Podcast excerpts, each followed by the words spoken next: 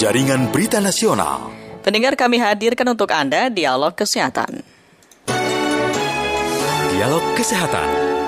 Untuk dialog kesehatan di pagi hari ini tema kita adalah uh, mengenal lebih jauh tentang profesi cleaner sitologi. Kami nanti akan membahasnya bersama dengan Dr. Anda Supri Irianti Handayani, M. Biomed, Departemen Patologi Anatomik FKUI.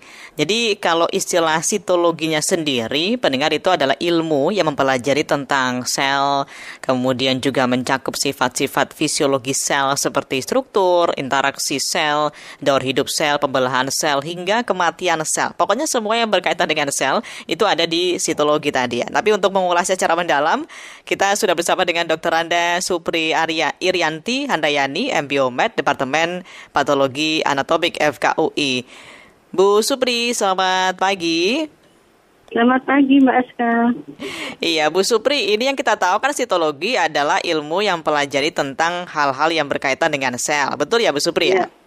Betul sekali. Nah ini profesi cleaner sitologi ini yang seperti apa Bu Supri?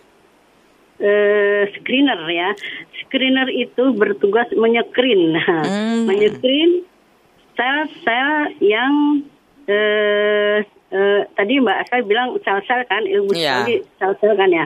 Jadi eh, bertugas menyekrin sel-sel yang terlepas yang ada di lab sitologi. Jadi saya uh, menerangkan dari awal dulu ya. Okay, jadi silakan Bu. Uh, jadi di Departemen Patologi Anatomi itu ada enam divisi. Enam divisi itu salah satu uh, salah satunya divisi citologi. Mm-hmm. Nah kalau kelima divisi itu sampelnya berupa uh, jaringan. Jadi suatu sel yang mempunyai bentuk dan fungsi yang sama bergabung menjadi jaringan. Sementara kalau di citologi sampelnya berupa sel-sel yang terlepas. Okay. Jadi uh, seorang screener atau seorang SPPA subsitologi atau SPPA lah ya, itu harus bisa menganalisa sel-sel apakah itu uh, kita analogkan ya, kita analogkan ya Mbak Aska. Mm-hmm. Misalkan kita menyapu halaman. Nah ini ada pohon mangga, pohon jambu air, pohon jambu batu. Nah kita menganalisa ini daun apa ya? Ini daun mangga, apa daun jambu. Nah itu kita harus bisa karena itu seharusnya sudah terlepas dari hmm. pohonnya apa sih daunnya itu. Jadi jadi dari, ada ada semacam karakteristik dari situ kita sudah bisa menebak begitu ya Bu Subri ya? Ya betul. Jadi okay. karakteristik sel apa daun mangga seperti ini. Jadi karakter sel uh, misalkan organ yang kita ambil hmm. organ serviks ya. Organ hmm. serviks itu kita uh, biasanya menemukan sel epitel squamosa, sel kelenjar atau sel glandula. Nah, itu kita harus bisa menganalisa. Gitu loh, Mbak Aska. Oke, baik. Mempelajari tentang sel itu susah nggak sih, Bu Supri? Eh, segala sesuatunya kalau kita belajar ya Gampang. tidak ada yang susah. Cuma kan kadang orang ya. berpikir kok sel dipelajarin sih tiap hari berarti di lab dong gitu ya Bu Supri ya? Iya, karena penyakit itu berawal dari sel loh, Mbak mm -hmm. Jadi uh, kan tadi saya bilang sel itu bergab sel yang uh, mempunyai bentuk dan fungsi yang sama menjadi jaringan. Jaringan bergabung menjadi organ. Nah, okay. itu dimulai dari sel. Nah, apabila sel-sel itu sudah terlihat abnormal atau terlihat ketidaksempurnaan, itu sudah bisa dideteksi tuh Mbak Aska. Mm -hmm. Nah, mm -hmm. ini ini menarik ini. Sel yang kelihatan normal dengan yang normal itu bentuknya seperti apa sih, Bu Subri? Oh, beda sekali, Mbak Ska. Jika uh, kita mulai dari pasti saja ya, yeah, Mbak yeah. yang yang biasa kita pelajari ya, mm. pelajaran awal itu uh, pasmir itu uh, diambil sampel atau sejalan dari uh, cervix vagina atau vagina cervix gitu ya.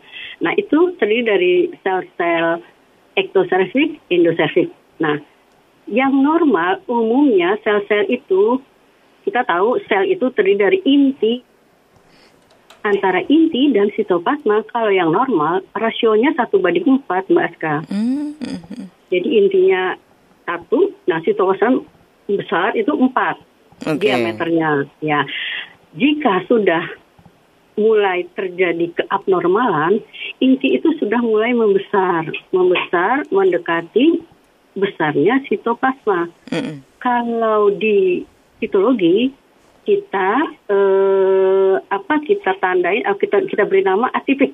Nah jadi kalau di pasmir ya, yeah. ada empat tahap normal, atipik, LSIL, HSIL dan ganas. Nah, jika itu sudah mulai atipis tadi, rasionya kita yang pasti rasionya kita lihat sudah bukan satu banding empat lagi. Kemudian di dalam inti itu kan ada kromatin ya Mbak Aska, yeah. itu uh, materi-materi genetik apanya. Nah itu yang normal itu halus sekali Mbak Aska, kayak mm, seperti pasir ya, seperti pasir. Mm. Tetapi kalau sudah mulai atipik itu sudah mulai gerjel-gerjel oh. gitu. Kita udah kayak Pokoknya permukaannya nggak rata gitu berarti ya, Bu Supriya. Ya, sudah ada uh, sudah ada gerjel-gerjel mm. gitulah pokoknya gitu. Oke. Okay. Nanti kalau misalkan uh, naik lagi tahapnya displasia ringan itu gerjil-gerjil sudah menjadi butir-butir kromatin sebenarnya itu sudah seperti kayak batu koral. Jadi hmm, bulut-bulutnya sudah jelas kelihatan. Oke. Okay. Itu terdeteksi terlihat seperti itu Mbak Aska. Baik Bu Supri, tahan dulu. Ini ada pendengar kita yang bergabung ada Bu Indra di Cirebon. Bu Indra, selamat pagi Bu. Selamat pagi Mbak Aska dan Mbak Mei. Iya, Bu Indra ini ada, ada Ibu Supri Irianti. Ya, terima kasih. Assalamualaikum Bu Dokter Supri Irianti. Waalaikumsalam Bu Indra. Iya, eh, saya ingin bertanya eh, mengenai sel-sel ini. Apakah tubuh kita sendiri eh, mampu mendeteksi eh, sel-sel normal atau yang dikatakan sudah tidak normal lagi secara alamiah atau begitu ya Bu Indra ya? malahan sel-sel mati itu Mbak Aska. Dan kemudian dalam tanda kutip mengusir dari tubuh kita. Bagaimana Oke okay, baik. Terima, terima kasih Bu Indra ya. Assalamualaikum warahmatullahi Waalaikumsalam. Gimana Bu Supri? Sebenarnya dalam sel itu ada ada gen-gen banyak sekali gen-gen seperti uh, gen repair, perbaikan hmm. DNA, uh, gen pertumbuhan, gen pertumbuhan sel itu uh, growth factor ya itu. Nah itu jika salah satu gen itu tidak berfungsi, tentu akan membuat sel-sel tadi berubah ya. Nah, yeah. uh, terdet uh, merasa atau tidaknya kadang di paswir ini kadang kita tidak tidak merasakan atau oh, ah ini tidak apa-apa, ah ini tidak apa-apa gitu loh. Jadi rasanya uh, baru terjadi apa-apa, baru terasa badan tidak enak atau gimana, baru kontrol ke dokter gitu loh. sudah terlambat, Jadi, sudah sakit gitu ya, ya baru ya, cek. Nah, biasa seperti itu Aska. Jadi untuk untuk tahunya itu ada perubahan gen-gen itu ya hmm. otomatis kita ke ke dokter pemeriksaan okay. lab. Nah, apakah ada gen-gen yang terjadi perubahan seperti ada uh, Mbak Aska tahu kan pasir uh, yang disebabkan oleh HPV hmm. ya HPV 16 18 itu HPV itu protein-proteinnya menonaktifkan salah satu gen yang gen itu membunuh pertumbuhan tumor jadi pertumbuhan tumor itu ditekan hmm, okay. oleh protein E6 E7. Nah, kan bahaya Mbak Aska. Yeah, yeah. Kalau tumbuhan itu ditekan nggak berarti tumor itu akan tumbuh tidak tidak normal atau tidak terbatas atau tidak terkendali. Gitu, Mbak. Oke, okay, baik. Tapi begini Bu Supri, kan biasanya kalau misalkan kita e, memiliki sel-sel yang tidak sehat atau yang rusak, tubuh kita itu bisa memproduksi sendiri nggak sel-sel baru yang lebih sehat?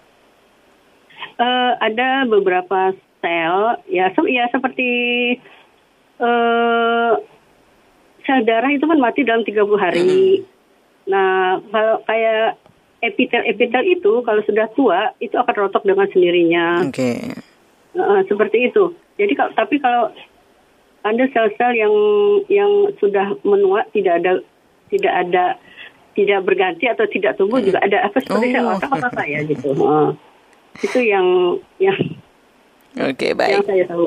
Siap, Bu Supri ini sebagai uh, bagian dari profesi ya, profesi screener uh, apa namanya sitologi. Artinya kan uh, tiap hari di lab pasti ya ngecek uh, berbagai macam sel dan sebagainya. Ada alat-alat khusus yang biasanya dipakai ya Bu ya. Itu alatnya semacam kita pakai apa namanya mikroskop biasa begitu atau atau gimana Bu Nurul uh, Bu iya. Supri biasanya? Kita menggunakan mikroskop. Hmm hanya dengan mikroskop saja atau ada alat lain?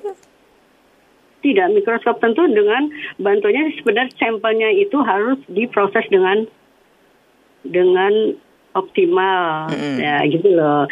Jika tidak optimal, nah, balik mundur lagi ya, sampel sitologi itu, bisa kita mengambil pasmir. Nah, yeah. dalam kita mengambil pasmir itu kita ambil ya, terus kita suap ke, eh kita suap, kita semir ke kacanya tuh hitungan detik kita masukkan ke Fiksasi, fiksasi itu berupa cairan yang mempertahankan uh, struktur sel-sel seperti dalam tubuh sendiri ya. Hmm. Nah, jika delay, delay dalam waktu berapa detik saja, sel-sel itu sudah degeneratif, tuh Mbak Asta. Hmm. Sudah sudah susah diwarnai. Paling tidak dia akan mekar-mekar begitulah. Sepertinya kayak ya itu istilahnya degeneratif. Gitu. Jadi kita dibantu oleh sediaan yang prosesnya harus optimal. Oke, okay, Jadi kita akan mudah memeriksanya. Jika kita mendapat sel-sel kayak gitu, nanti kita akan istilahnya kan kalau kan sel-sel degeneratif juga kan besar-besar ya. Ini besarnya besar apa? Degeneratif, reaktif, atau sel-sel memang ada sesuatu. Nah itu kadang yang kadang kita yang membuat kita galau itu. Jadi kita kita biasanya kita minta ulang, tolong deh diproses lagi gitu. Okay. Biasanya gitu. Baik. Nah, Bu Supri, biasanya kalau kita mau meneliti sel itu kan ada kita harus uh, mencari bagian yang untuk kemudian diiris tipis banget bisa untuk kemudian bisa terbaca di mikroskop ya, Bu Supri ya. Uh, kalau irisan itu uh, beda lagi mas. Hmm, beda lagi ya. Jaringan, hmm, jaringan okay, okay, okay. itu harus dipotong tipis, dimasukkan, uh, yaitu di, ditaruh di slide Nah itu baru diproses. Kalau kita kan tadi saya bilang mengumpulkan uh, sel-sel apa daun-daun yang jatuh, mm -hmm. ya kita mengambil bisa kayak pasir lagi ya, yeah. kita mengambil dengan spatula. Nah, spatula ya atau citobras. Nah, kita ambil tuh di uh, liang vaginanya, kita ambil, nah itu berupa sekret tuh Mbak Aska. Mm -hmm. Berupa sekret, lalu kita semir di kaca benda. Nah, itu kan uh, apa namanya? Uh, tidak berupa irisan, berupa uh, sel yang menyebar, tapi me menghapusnya atau mengsemirnya juga harus tipis, jangan tebal juga. Nanti susah juga kalau me menganalisa sel-sel yang bertumpuk. Nah, itu tidak direkomendasi. Okay. Baik, Bu Supri, kalau kita mempelajari tentang sitologi ya Bu ya, itu uh, jenisnya cuma satu atau ada beragam Bu? Gimana Mas? Kalau kita mempelajari tentang sitologi itu jenisnya cuma ya. satu atau ada beragam jenis sitologi, jenis-jenis studi sitologi? Uh, bukan jenis sitologi kali ya Mbak Aska, hmm. uh, sediaan yang diterima oleh lab sitologi. Oh iya ya. Hmm, itu maksudnya. Jadi pertama-tama awal kita terdidik untuk sitol uh, juga kita mempelajari pasmir, hmm. yaitu organ uh, serviks. Nah kemudian akan meningkat ke uh, seperti uh, seputum, cairan. Nah okay. itu sudah agak lebih tinggi. Nah yang terakhir itu FNAB, Needle Aspirasi Biopsi. Nah itu seperti benjolan-benjolan, benjolan-benjolan yang diambil secara uh, FNAB di uh, apa namanya dengan jarum, jarum di apa namanya uh, apa ya istilahnya ya. dengan bantuan piston dengan bantuan piston apabila susah jadi ditarik itu misal kayak benjolan payudara atau benjolan hmm. tiroid atau benjolan KGB itu ditusuk tuh mbak Aska itu kita ambil cairannya. Nah cairan itu kembali kita semirkan ke kaca kacanya kembali. Itu okay. mbak Aska jadi Baik. jenis sampel yang diterima. Nah kalau sudah ada sampel itu berarti nanti ada ada penyimpanan ya Bu Supriya pastinya ada. Nah itu kembali lagi beda dengan dengan jaringan ya. Kalau psikologi mm -hmm. benar-benar harus dijaga karena kita cuma punya arsip itu satu sampel kayak yeah. pasien itu kita harus eh, kita harus uh, misalkan kita uh, buat sediaan pasien dari pasien datang ke kita ya kita cuma punya satu atau dua. Sementara kalau dikirim dikirim dari rumah sakit daerah atau rumah sakit luar kita cuma satu punya satu. Jadi itu harus dijaga sekali arsip-arsip psikologi. Okay. Tidak boleh gimana ya? Tidak sembarangan gitu.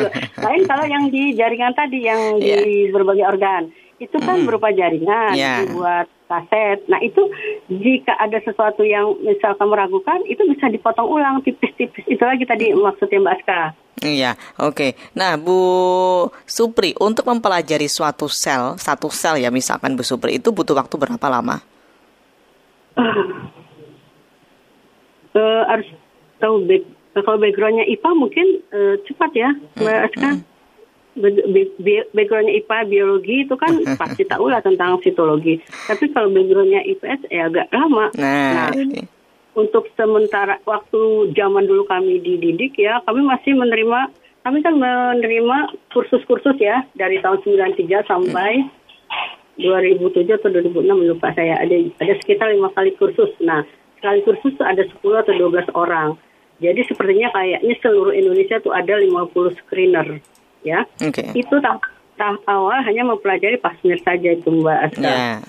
Uh, nah itu backgroundnya masih masih bukan IPA IPS, tapi kita jadi kita perlunak dengan ketentuannya berpengalaman lima tahun. Nah itu biasanya di, dididik oleh senior senior oleh SPPA-nya gitu loh. Mm -hmm. Dengan uh, uh, nanti baru boleh mengikuti kursus yang kami adakan ini gitu loh. Uh, Mbak Aska. Baik, Bu Supri ini ada yang bergabung di WA Pro 3 uh, pagi ini dari Bu Diah di Kebayoran. Pemeriksaan sel itu untuk semua penyakit atau apa ya? Nah ini gimana, Bu Supri? Uh, iya itu tadi kan uh, untuk sitologi ya. Sitologi pertama pasmir, mm -hmm. kedua sekutum dahak ya. Jika jika pasien itu ter bukan terdiagnosa, ada keluhan, ada gejala batuk, sesak yeah. nafas, biasanya dokter merekomendasi periksa seputum dulu deh. Nah, kita periksa seputum datang ke PA. Ke, kemudian cairan, kayak paru. Paru itu kok ada cairan ya di di lapisan paru. Nah, itu ya. E, jadi dapat di paru, nah terus ada lapisannya itu ada cairan. Nah, itu disedot cairannya dibawa ke PA. Kemudian ada Eh, benjolan-benjolan tadi Mbak Aska. Ya. Benjolan tiroid, benjolan kelenjar getah bening, hmm. benjolan lutut, segala macam benjolan itu datang ke sitologi, ke PA, patologi anatomik.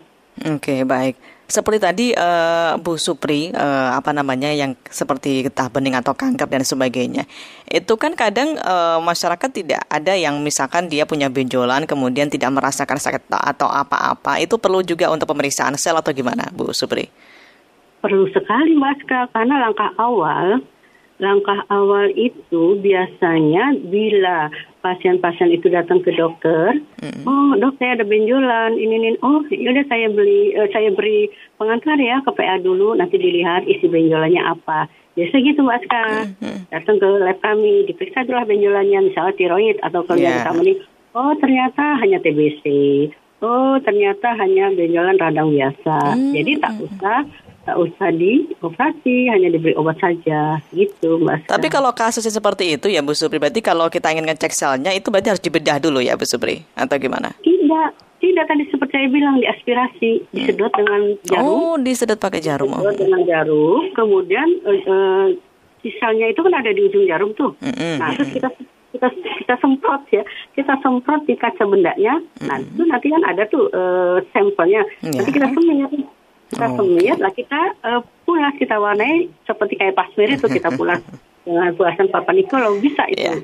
Okay. Jadi langkah awal itu untuk uh, deteksi dini ya, kayak sepertinya memeriksa dulu. Nanti kalau memang ternyata oh ada sesuatu, oh dia ada sepertinya keganasan, nah nanti dokter PA menjawab, diberikan ke ke dokter klinik, ya hmm. itu nanti uh, terserah dokter klinik mau diapakan.